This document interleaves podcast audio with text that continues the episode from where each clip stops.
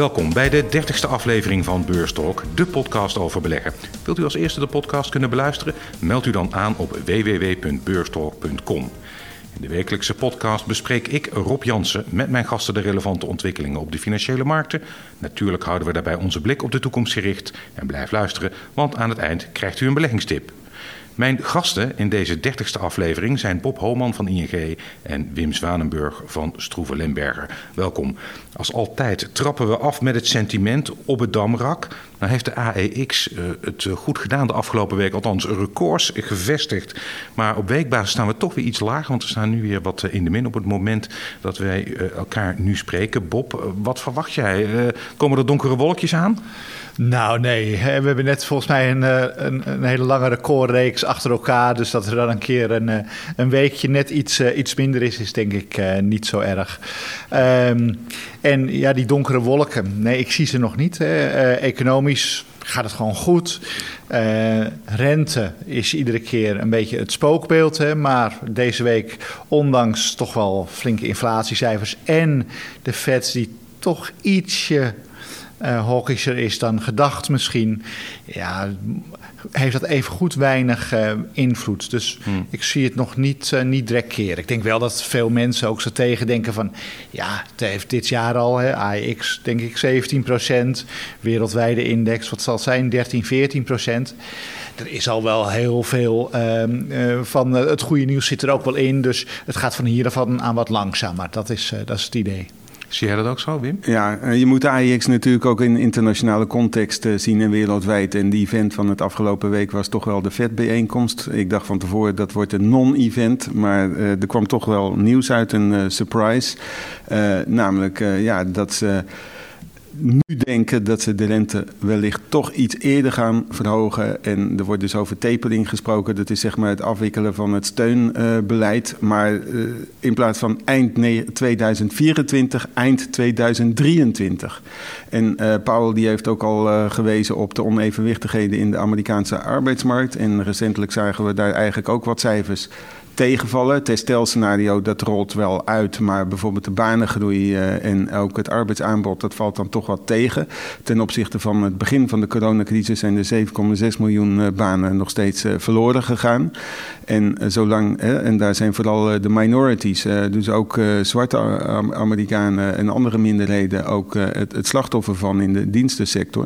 Dus dat is nog onvoldoende. En Paul heeft gezegd, wij moeten niet alleen op prijsstabiliteit, op het voorkomen van uh, inflatie letten, maar ook op de totale Amerikaanse economie, dus ook de ontwikkelingen op de arbeidsmarkt.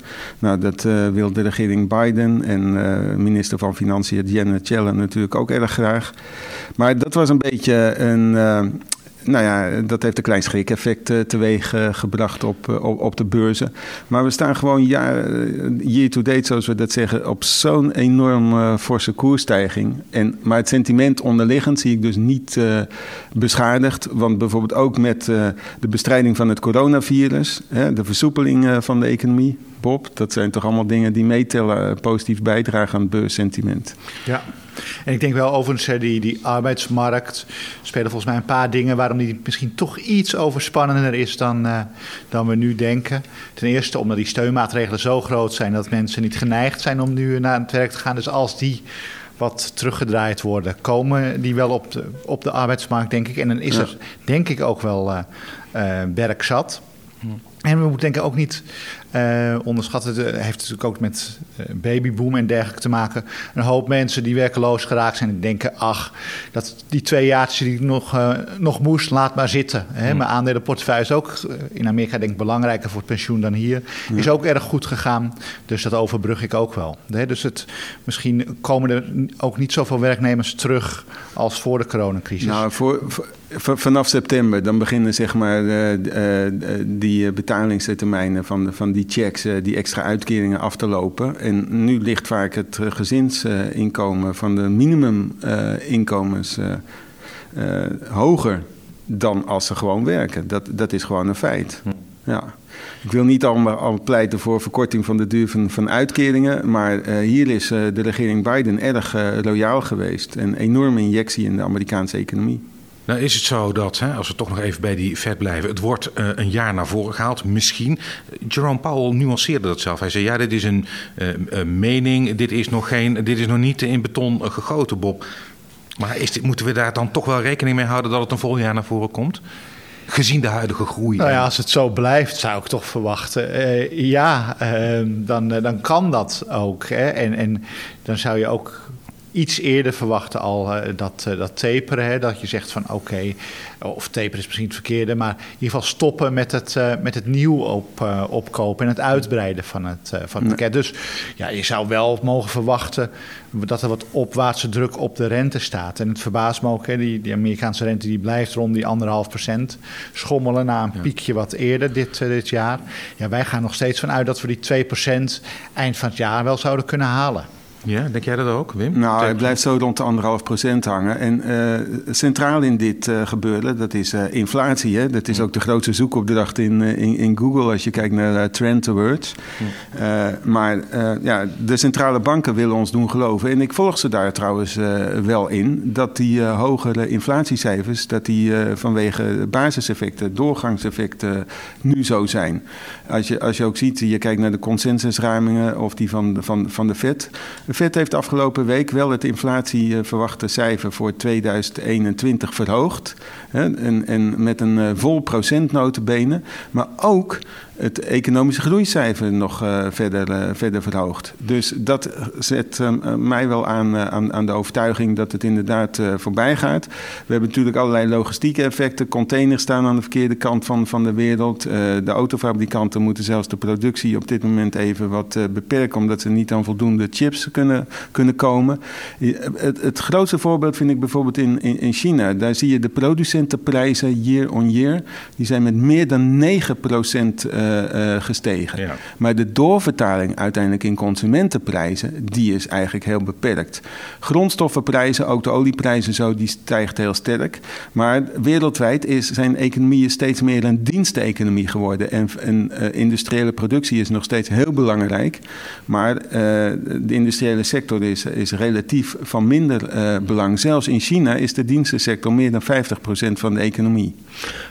Samengevat, jij zegt, uh, jij bent het eens met de centrale ja. banken. Het is een tijdelijk ja. effect. Dat denk jij ook, Bob? Nou... Want daar is nogal ja, wat discussie. Dat, ik lees steeds meer precies. twijfel. Ik, ja, ik twijfel ook wel. Uh, ik, ik denk dat uh, inflatie wordt pas echt wat natuurlijk als het ook in de lonen uh, terugkomt. Maar ik denk, oké, okay, je ziet inderdaad overal in de wereld de, de producentenprijzen sneller stijgen dan de consumentenprijzen. Uh, dat betekent. Uh, twee dingen kan dat betekenen. Ofwel de marges van het bedrijfsleven worden iets kleiner. Ofwel uiteindelijk komt het toch in die consumenteninflatie. Ik denk dat het, zoals meestal in de economie gaat, een beetje half-half wordt. Dus dat die inflatie toch iets stickier kan zijn dan we nu denken. Ik denk dat veel economen ook denken, die inflatie nu is tijdelijk, maar over een paar jaar komt die wel. Het zou mij niet verbazen als die twee momenten wat dichter bij elkaar komen hmm. en dat het één ding wordt. Nou ja, en dan heb je misschien, ik verwacht geen enorme rentehobbel of iets dergelijks. Als je kijkt naar de ontwikkeling van de uurlonen, dat is toch uh, beperkt. Dat kan ook door de uh, verhoging van productiviteit wel worden opgevangen. En nog even terugkomend op die industriële sector. Als je kijkt naar bijvoorbeeld de bezettingsgraad van de Amerikaanse economie, capacity utilization, die ligt op 75 procent. En pas echt wanneer die boven de 84, 85 procent hmm. komt, dan zie je zeg maar inflatoren effecten. Er is nu eigenlijk nog wel in de brede voldoende productiecapaciteit. Ja, bij mij ligt dat punt veel lager. Dat ligt op 78 procent. Dat je dan wel inflatoren uh, druk uh, krijgt. Dus ik ben er ietsje uh, minder, minder gerust op. Ik verwacht ook niet dat het een enorm probleem wordt. Hè, want met een uh, een wereld waar, die van schulden overladen is. Hè. Op het moment dat de rente echt wat stijgt, druk je die economie weer zo in elkaar dat die rente vanzelf wel weer zakt. Maar ik denk wel, uh, hogere niveaus dan dit kan natuurlijk, uh, kan natuurlijk makkelijk. Maar er is veel wantrouwen hè, jegens de centrale banken. En, ja, zo gek is dat toch niet? Nee, nou, ze hebben inderdaad zelf wel een beetje aanleiding gegeven. Want bijvoorbeeld de Amerikaanse Fed heeft het beleid wat gewijzigd, meer dan, dan een jaar geleden Toen zijn ze gaan spreken over uh, average inflation targeting. En dat betekent dat zeg maar, de stijging van de inflatie, die gaan ze tolereren wanneer die boven het gemiddelde komt. Hmm om zeg maar, op het gemiddelde op de wat langere duur uit te komen. Nou, op het moment dat je gaat stijgen, ja, dan, en, en, dan gaan mensen toch wantrouwig naar die inflatiecijfers kijken. En ze zijn gewoon door het basiseffect. We hadden vorig jaar in het tweede kwartaal de lockdown in Amerika. dus uh, als je nu uh, ziet, toen hadden we een enorme prijsval van bijvoorbeeld olie en andere grondstoffen. Nou, nu is het precies andersom. Ja, van korte duur of lange duur. Ik werd laatst getriggerd, uh, Bob, en dat vond ik wel interessant. Die zei, iemand die schreef, uh, volgens mij was Han Diepering trouwens, um, die schreef van ja, kijk, het gaat niet alleen om of het langdurig is of tijdelijk, maar wat het effect is. Hè? Want, uh, en dan hebben we natuurlijk een heel scherp voorbeeld, is de hyperinflatie in Duitsland, uh, 100 jaar geleden ongeveer. Dat duurde twee jaar. Maar in die twee jaar is bijna de hele middenklasse uiteindelijk beroofd van zijn bezittingen.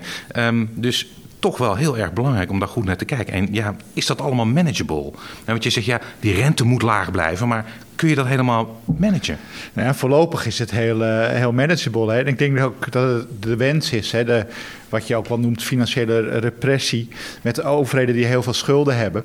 Uh, als de inflatie wat hoger is dan uh, de rente, is dat een heel gewenste situatie. En dan op een gegeven moment hoor je dan wel, nou ja, dus de bezittingen van een, een, grote groep mensen uit. Maar als je dat op een rustige manier doet, en dan heb ik het natuurlijk niet over die hyperinflatie die mm. jij uh, schetst, ja, dan is daar voor iedereen denk ik mee te leven. En mm. dat is wel het pad wat we al eigenlijk al jaren volgen.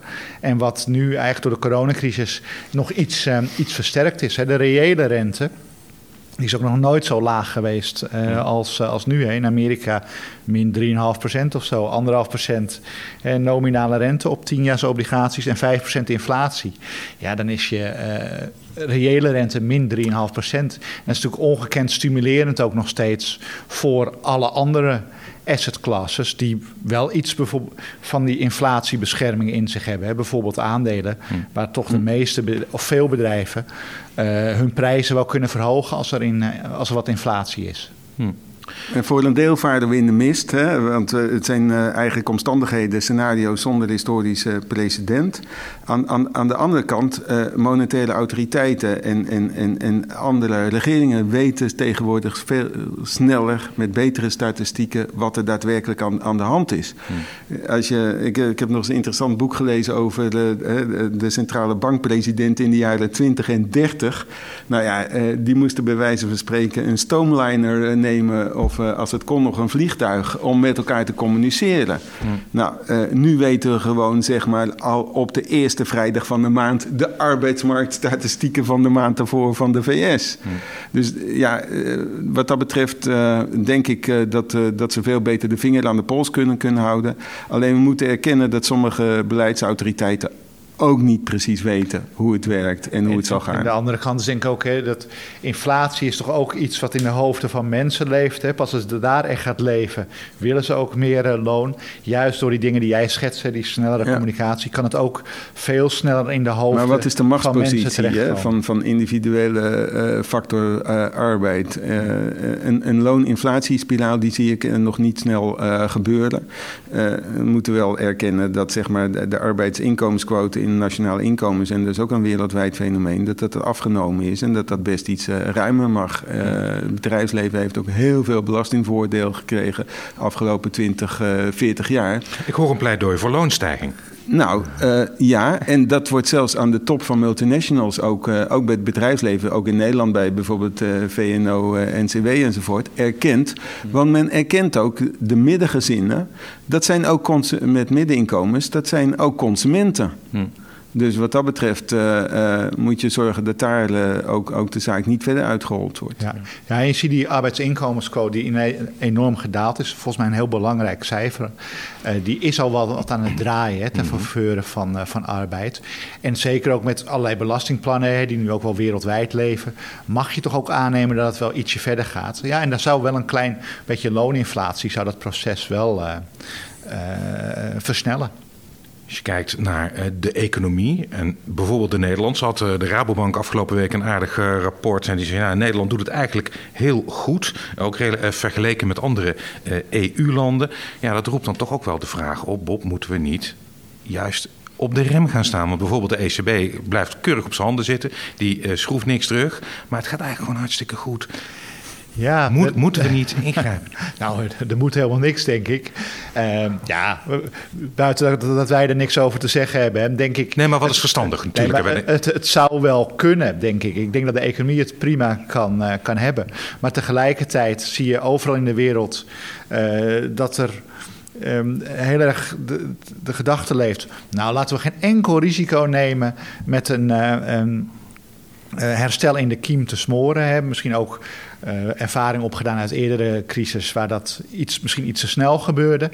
Denk ik nu dat, ja, van mij zou het best iets, uh, iets sneller afgelopen mogen zijn. Ja. Nou, bij, bij de eurocrisis, zeg maar, de 2012, zagen we eigenlijk dat het monetair en het fiscaal, het budgetair beleid elkaar tegenwerkten. Nu is het uh, eenduidig, dezelfde kant op. Er is ook een vrij grote consensus onder, onder economen. Nu gaat het alleen wel om het tempo van het stoppen en van het minder stimuleren. Je kan zeker afvragen, zoals in, in de VS, hè, uh, waar het toch al vrij goed gaat. En dat is stel of je, of je inderdaad uh, wel zo ruim moet zijn als dat de Biden-administration is. Aan de andere kant zien we toch de laatste tijd in die haperingen uh, dat het ook nog niet alleen maar makkelijk gaat. En hmm. de Rabo, voor, voor de Nederlandse economie, om daarop terug te komen, ze verwachten voor dit jaar een groei van 3,8 procent. Wat natuurlijk heel mooi is. En ook in Europa ligt dat redelijk goed. Maar ze constateren ook dat ook in Nederland, maar ook internationaal, het verschil tussen sectoren en zelfs ook tussen de regio's nog erg groot is. Hmm. En uh, ja, wat dat betreft, uh, denk ik, zullen, zullen, regeringen terughoudend zijn om, om versneld af te bouwen. Hmm. Inderdaad, ja, om dat risico te vermijden. Inderdaad, alle marktparticipanten, hè, zoals obligatiemarkten, iedereen accepteert het ook hè, dat dit nu gebeurt. Dus er is ook geen dwang om, uh, om daar snelle een beslissing in te nemen. Ja. Nou, als je kijkt, ik zag van de week nog een, een, een nieuwe Green Bond, eh, een, een zogeheten groene emissie, uh, die, die, waarmee zeg maar de financiering van, van de energietransitie en dergelijke uh, wordt, wordt betaald, uitgegeven worden. Nou, die was er, ik geloof, tien keer overtekend, Bob. ongelooflijk. Ja, er is nog steeds enorm veel vraag naar alle nieuwe, nieuwe Dus er is nog steeds een muur van geld. Ja.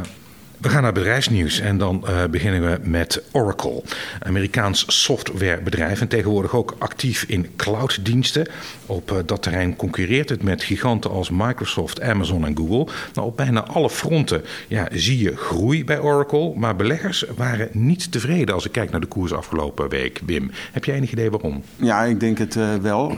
de cijfers inderdaad, je zei het in een voorgesprek ook, die, die vielen mee. Als je kijkt naar de winstcijfers en de omzetcijfers.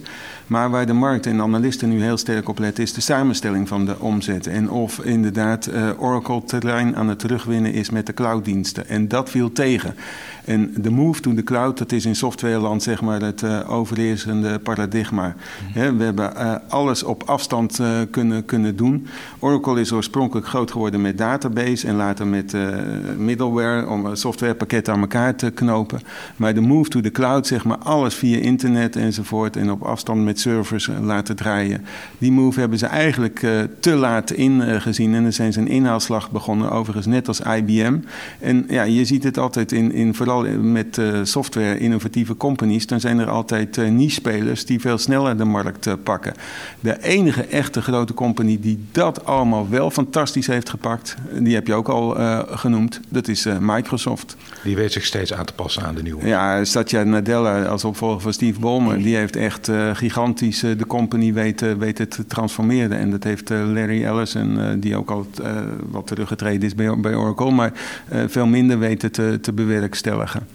En kan je zien dat uh, ook hier, hè, wat je vaak ziet bij bijvoorbeeld ook maaltijdbezorging, winner takes all, dat er eigenlijk maar hè, naast hè, Google, Amazon, Microsoft, dat dat wel de partijen zijn die clouddiensten uh, kunnen leveren en dat het op een gegeven moment dan een shake-out wordt? Nee, nou dat, dat ligt ingewikkelder. Uh, maar, maar het is wel zo inderdaad dat binnen, binnen kleine niches. sommige grote spelers echt ook een heel groot marktaandeel en ook de standaarden zetten. En inderdaad, Microsoft hoort daarbij. En je, je, kan er zeker nog eentje noemen. Dat is Amazon. Nee, Amazon met Amazon Web Services. Apple al niet meer? nou, Apple uh, gigantisch, maar niet per se op het, uh, op het gebied van uh, de move to the cloud en, en, en software. Apple is toch nog, laat ik zeggen, niet nog steeds. het is eigenlijk verbazingwekkend hoe goed ze het doen. Mm. Maar meer dan 60% van de omzet is de, is de iPhone. Maar ja, daar zit natuurlijk ook een heel softwareplatform en ecosysteem, een ecosysteem ook achter. En dat is niet in de laatste plaats ook aan, aan software-elementen gekoppeld. Mm. Hoe kijk jij naar die cloud-diensten? Bob? Nou ja, van Oracle. Uh, ik denk die cijfers waren ook goed door en lage belastingdruk. Dat hebben ze trouwens wel vaker. Dat is meestal ook geen goed teken hoor.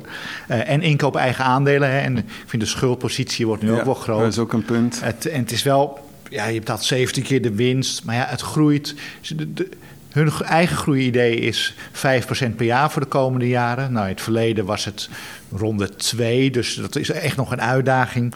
Dus ja, het is in die sector. Mm, de groei van de winst per aandeel lag afgelopen jaar wel iets, iets meer. Maar die valt nu inderdaad echt uh, terug naar niveaus onder de 5%. Mm. En uh, 23, 24, nou misschien richting de 10. De omzetgroei zo rond, rond de 4 procent. Hmm. Dat is voor software companies en voor marktleiders is dat gewoon veel te, veel te laag hmm. hè, om daar uh, vertrouwen in te hebben. Dus het is gewoon een, uh, een, een, een, onderlinge afweging. Het enige wat je zou kunnen zeggen, dat geldt ook voor IBM, dat uh, de waardering gunstig is. Hmm. Maar juist in, technologische, in technologieveld... Daar is een reden voor. moet, moet je kijken naar degene die het snelste groeit.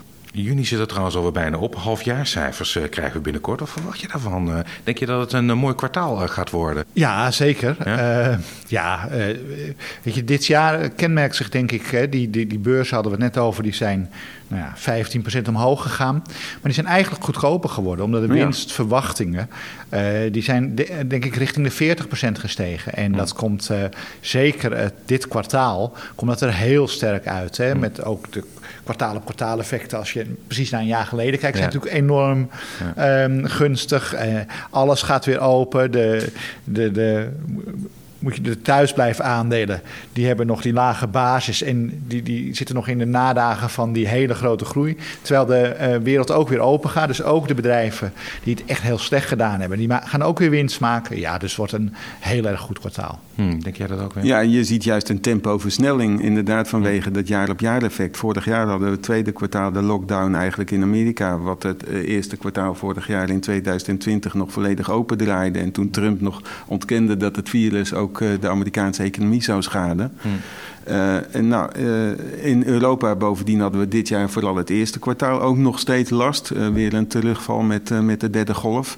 Maar er komt nu ook een herstel. En je ziet dat op de markt, dat de cyclische aandelen, value-aandelen, het redelijk goed gedaan hebben. Ook toen de rente wat ging stijgen.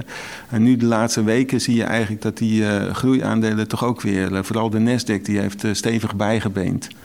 Dus uh, ja, en de kwartaalcijfers, echt, die worden exorbitant uh, goed. En hoewel we hebben gesproken over de stijging van grondstoffenprijzen en zo, de marges, die zijn ook uh, fors omhoog geklikt. ondernemers, die hebben natuurlijk afgelopen jaar ook wel erg op de, op de kosten gelet. En die zien nu toch dat ze hun voorraden kwijtraken, dat ze extra omzet. Als je kijkt naar de orderboeken.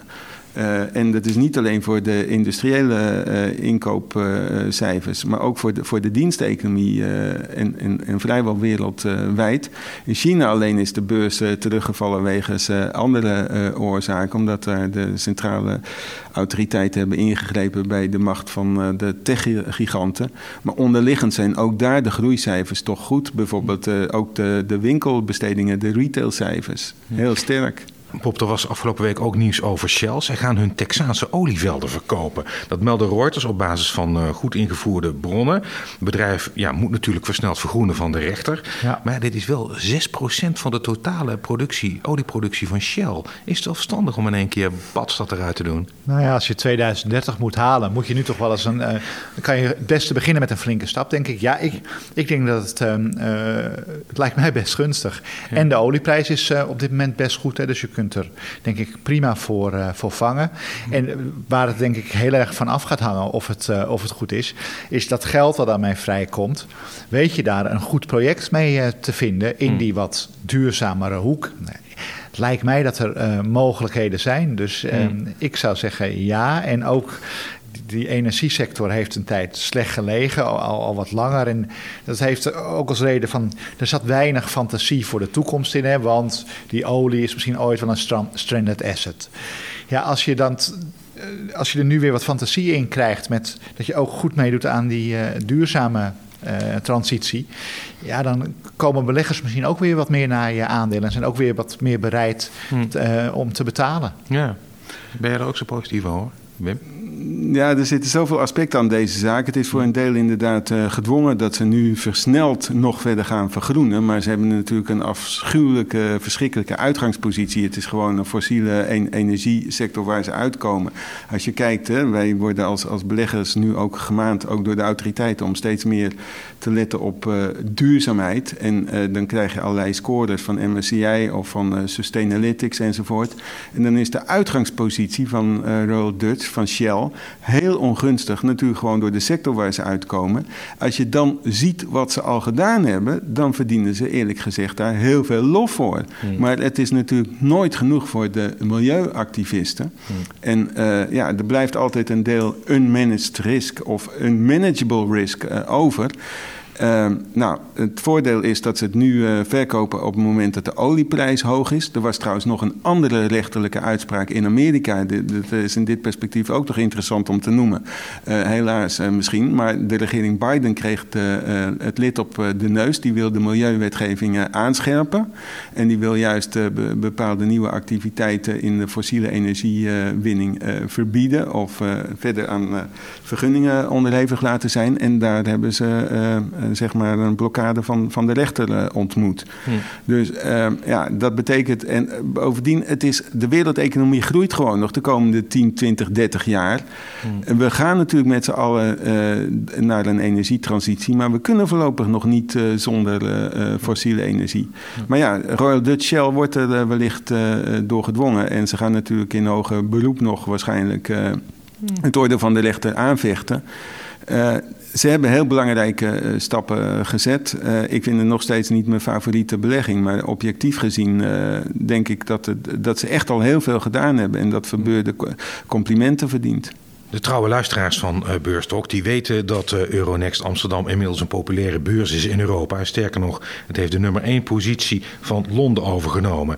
En dat is ook de reden dat het Bulgaarse bedrijf Huve Pharma uh, hier naar de beurs wil gaan. Dat is een producent van dierengeneesmiddelen en voedingssupplementen voor dieren. ze claimen de nummer 2 in de wereld te zijn op dat gebied. Bob, denk jij dat zo'n soort bedrijf een interessante aanvulling is voor beleggers? Of vind jij het helemaal geen interessante sector? Nou, het is farmacie, maar dan voor. Je hebt natuurlijk grote bio-industrie. Wat ik denk, wat, wat, wat goed is, hè, de, uh, de emissie wordt dan gebruikt, de helft om wat schulden af te lossen en de andere mm. helft om echt uh, te groeien. Als je kijkt naar de groei die erachter zit hè, de afgelopen jaren, is ja, iets van 5% per jaar mm-hmm. of zo. Ja, best aardig, maar en ik vind het wel weer leuk dat er weer wat, wat nieuws en, en, en misschien niet iedere keer uit dezelfde hoek naar, ehm, naar de beurs komt. Ik zie nog wel, het komt uit ehm, Bulgarije. Bulgarije. Hè. Er zitten twee ehm, broers achter die ook nog een hele hoop andere activiteiten hebben. Uh, ook een beetje in de jet zetten en dat soort dingen. Mm. Daar heb ik dan altijd wel iets, iets van moeite mee. Uh, dus ik, ik vind wel voor je daarin uh, belegt, bestudeer het eerst, denk ik. En dat, dat, moeten wij ook gaan doen. Mm.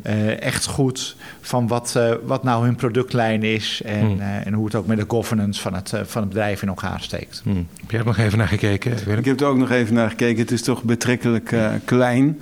En ja, typisch Nederlandse of AIX-beleggers, die hebben natuurlijk recent ook het hoofd eh, gestoten met eh, Galapagos. Eh, in, in, in de biotech zeggen wij altijd van laat het over aan, aan, aan de sectorfondsen of, of, of de ETF's, zodat je niet op één paard wet.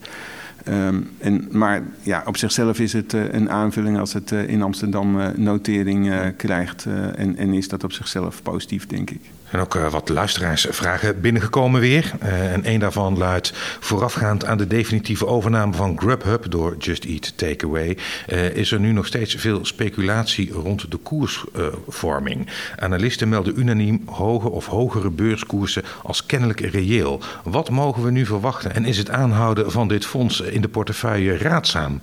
Afhankelijk natuurlijk van wat het oogmerk is in de portefeuille van het hebben van dit fonds. Bob, wat denk jij? Ja, analisten zijn altijd heel, uh, heel positief. Ja, ik, het is wel een beetje. Het is een Heb wat speculatiever. Of, uh, de overnemer, Just Eat Takeaway. Het, ja. het, het, is wat speculatiever, denk ik. Hè, want het blijft um, een, uh, een aandeel wat overnames zal blijven doen, hè, Just ja. Eat Takeaway. Want ja. hè, hier is het ook, denk ik, echt heel erg de winner takes, takes all. Dus het blijft maar ze zijn, uh, zijn nu echt groot. Volgens mij komt wel DoorDash komt ook wel deze kant op hè, ja. om ook te, te, concurreren. Dus dat wordt uh, nog spannend. Maar je zou zeggen, op deze koersen vind ik het zeker wel interessant. Ja, ja. ja. Um, ik heb het geïnterpreteerd als het gaat over Just Eat Takeaway. Ja. ja. Nou, uh, wat mij betreft is het niet de favoriete belegging. Ik kijk wel heel nauwkeurig wat er, uh, wat er gebeurt. Hè. Zijn het uh, disruptieve companies, zijn het innovators? is er sprake van een platformeconomie met enorme schaaleffecten? En ik meen dat dat in de thuisbezorgbusiness uiteindelijk toch niet het geval is. Mm. Het, is het is natuurlijk wel een schakeling van fysieke economie en digitale economie. Uh, ik heb er uh, twijfel, uh, twijfel bij. En, voor wat is dat jaar... dan specifiek? Dat het makkelijk te kopiëren is? Of, of, of... Nou, dat denk ik niet. Ik denk met Uber Eats en um, DoorDash enzovoort... dat je gewoon wel een internationale consolidatie ziet. Hmm. er kunnen ook nieuwe vormen opkomen. Uh, en, en, en dit zeg maar vorm van gemakvoed en het, uh, de extensie van het daadwerkelijk naar een restaurant gaan en het thuis bezorgd krijgen. Uh, en, en, ook met, met allerlei formules. En, en, denk ook aan wat je zelf kan doen met HelloFresh en noem maar op. maar dat dit zeg maar een exponentieel karakter heeft, dat geloof ik namelijk niet. Mm -hmm. En dat, dat je heel duidelijk een schaaleffect gaat zien, waardoor je hogere marges gaat, gaat zien, exploderende marges. Er komen uiteindelijk toch veel te veel handjes aan, uh, aan, aan te pas. Andere vraag is, beste Rob, ik geloof in de blockchain-technologie, maar wil niet in crypto's. Weten jouw panelleden hier een mooie tracker voor of een belegging, Bob? Ja, ik heb er twee gevonden. Uh, want deze had je al doorgestuurd.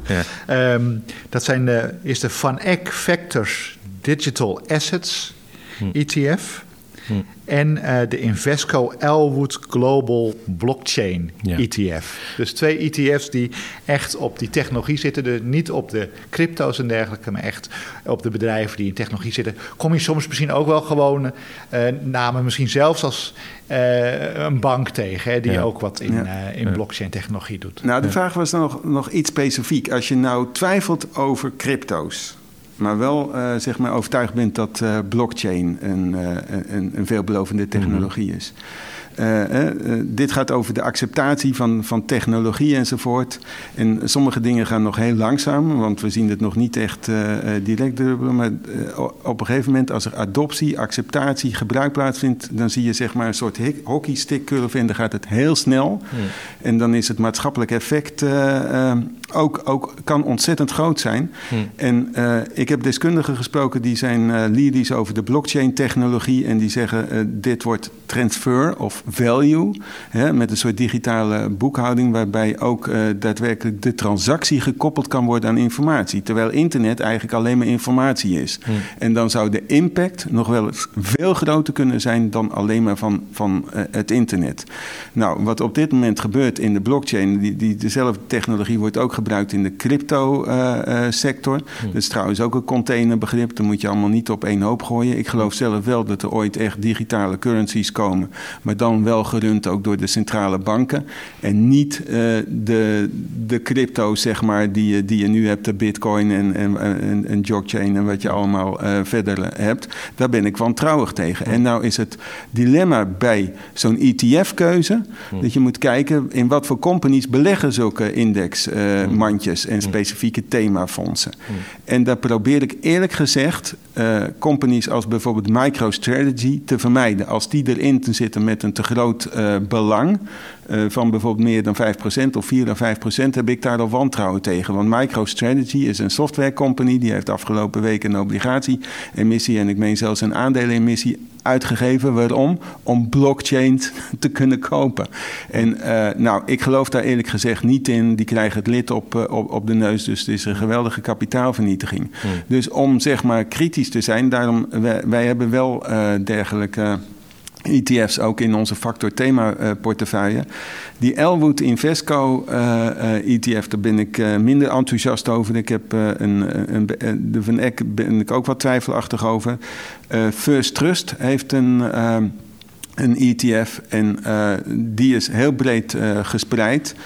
En uh, die vermijdt eigenlijk die afhankelijkheid van, uh, uh, van, van, van de crypto's. Hmm. First Trust, Index Innovative Transaction and Process. En wat ook belangrijk is, er is een usage vorm van. Dat kunnen wij dan als Europese beleggers kopen.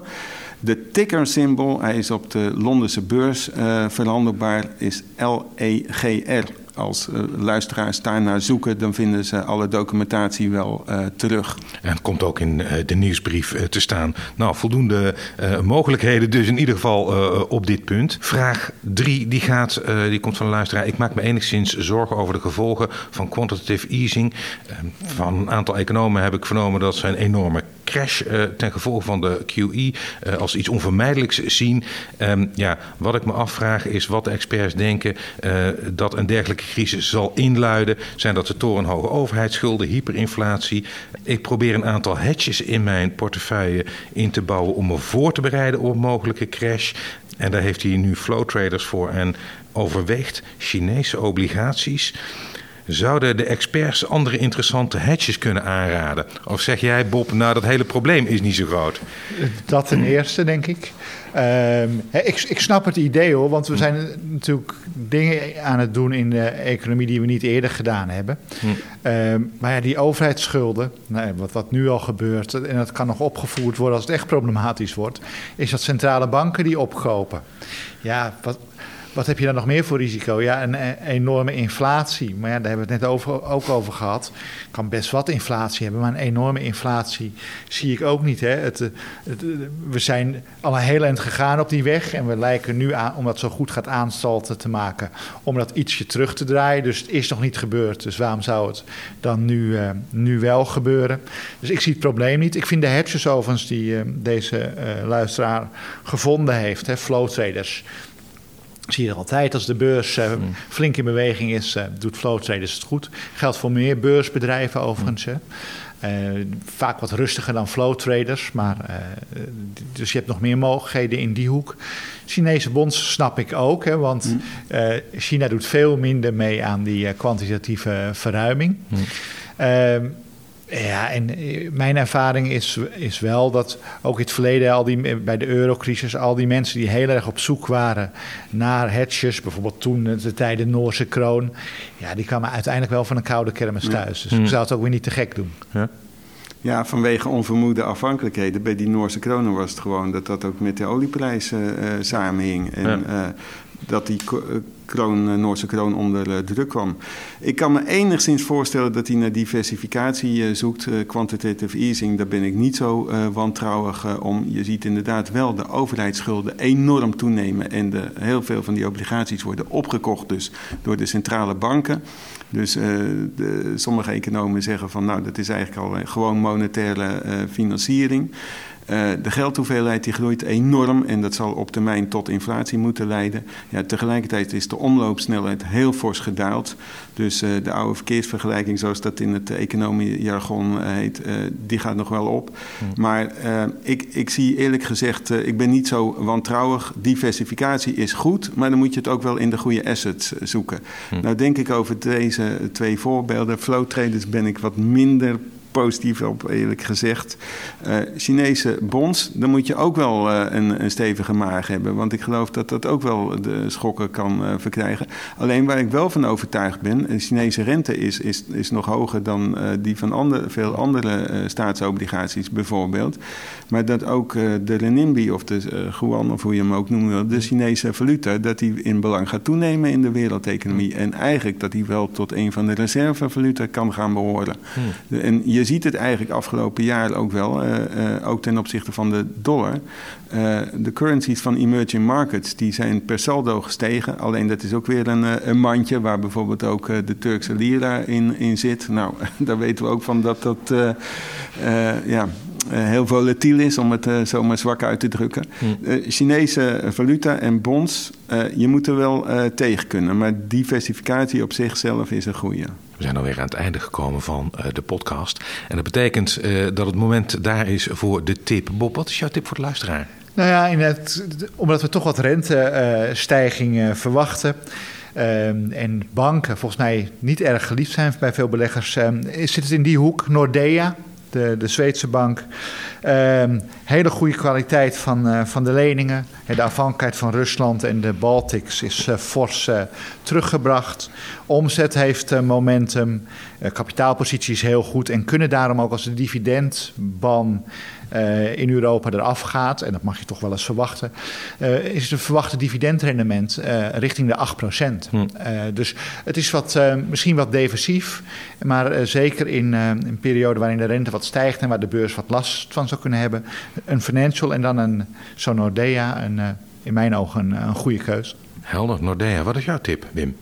Ja, ik heb een beetje de zomer in het hoofd. Uh, kijk aan. Ja. niet de zomer kolder. Maar een, eh, een beleggingstip, en dat is, ik neem een duik in het uh, zwembad en ik zou willen beleggen. Ik beleg het trouwens ook zelf in, dat wil ik even als disclaimer erbij uh, zeggen. Het aandeel Pool, Pool Corporation. En dat is niet zo bekend, maar inmiddels wel onderdeel van de S&P 500, uh, afgelopen jaar toegetreden. De tickersymbool is ook erg simpel, P-O-O-L. Okay. Dus uh, makkelijk uh, te vinden op sites als uh, Yahoo Finance en, en dergelijke. En je zou er misschien om verbaasd staan, maar de afgelopen vijf jaar heeft dit aandeel toch gemiddeld zo'n 38% per jaar gerendeerd. Laatste kwartaalcijfers vielen ook erg mee. Inmiddels zie je op tal van sites, zoals bijvoorbeeld Seeking Alpha, waar je ook investor communities vindt die het aandeel bediscussiëren, dat ze vinden dat de waardering fors is opgelopen. Maar je ziet wel dat de koersdoelen door analisten steeds naar boven worden bijgesteld. De laatste koers uh, daar zit uh, op dit moment uh, volgens analisten, als je kijkt naar de gemiddelde koersdoel, nog zo'n 7, 8 procent in. Maar het wordt fors ondersteund door opwaartse bijstellingen van winsttaxaties en ook van, van koersdoelen. Dus voor, voor de wat langere termijn is dit echt een aandeel. zwembad en zwembadbenodigdheden en ook de internationale expansie van deze onderneming, daar zit nog volop perspectief in. Op onze site zal ik dit aandeel komende week verder toelichten. Pool Corporation en Dus de site van Stroeven Lembergen vinden mensen ook naar de informatie. Maar gewoon ook op Yahoo Finance, Seeking Alpha en dat soort uh, sites. P-O-O-L, Pool Corporation. Oké. Okay. Pool Corporation en Nordea, de uh, Noorse bank. Of Scandinavische bank moet ik zeggen. Hartelijk dank, Wim Zwanenburg van Stroeve Lemberger en Bob Homan van ING. Dit was de dertigste aflevering van Beurstalk. Dank voor het luisteren. En als u wilt reageren of een beleggersvraag heeft voor mijn gasten, mail dan naar rob.beurstalk.com en graag tot volgende week. Deze podcast verwoordt de inzichten van mijn gasten, niet die van presentator Rob Jansen. Het is geen beleggingsadvies. Verdiep u in de risico's van beleggen voordat u eraan begint. De waarde van uw belegging kan fluctueren. In het verleden behaalde resultaten bieden geen garantie voor de toekomst.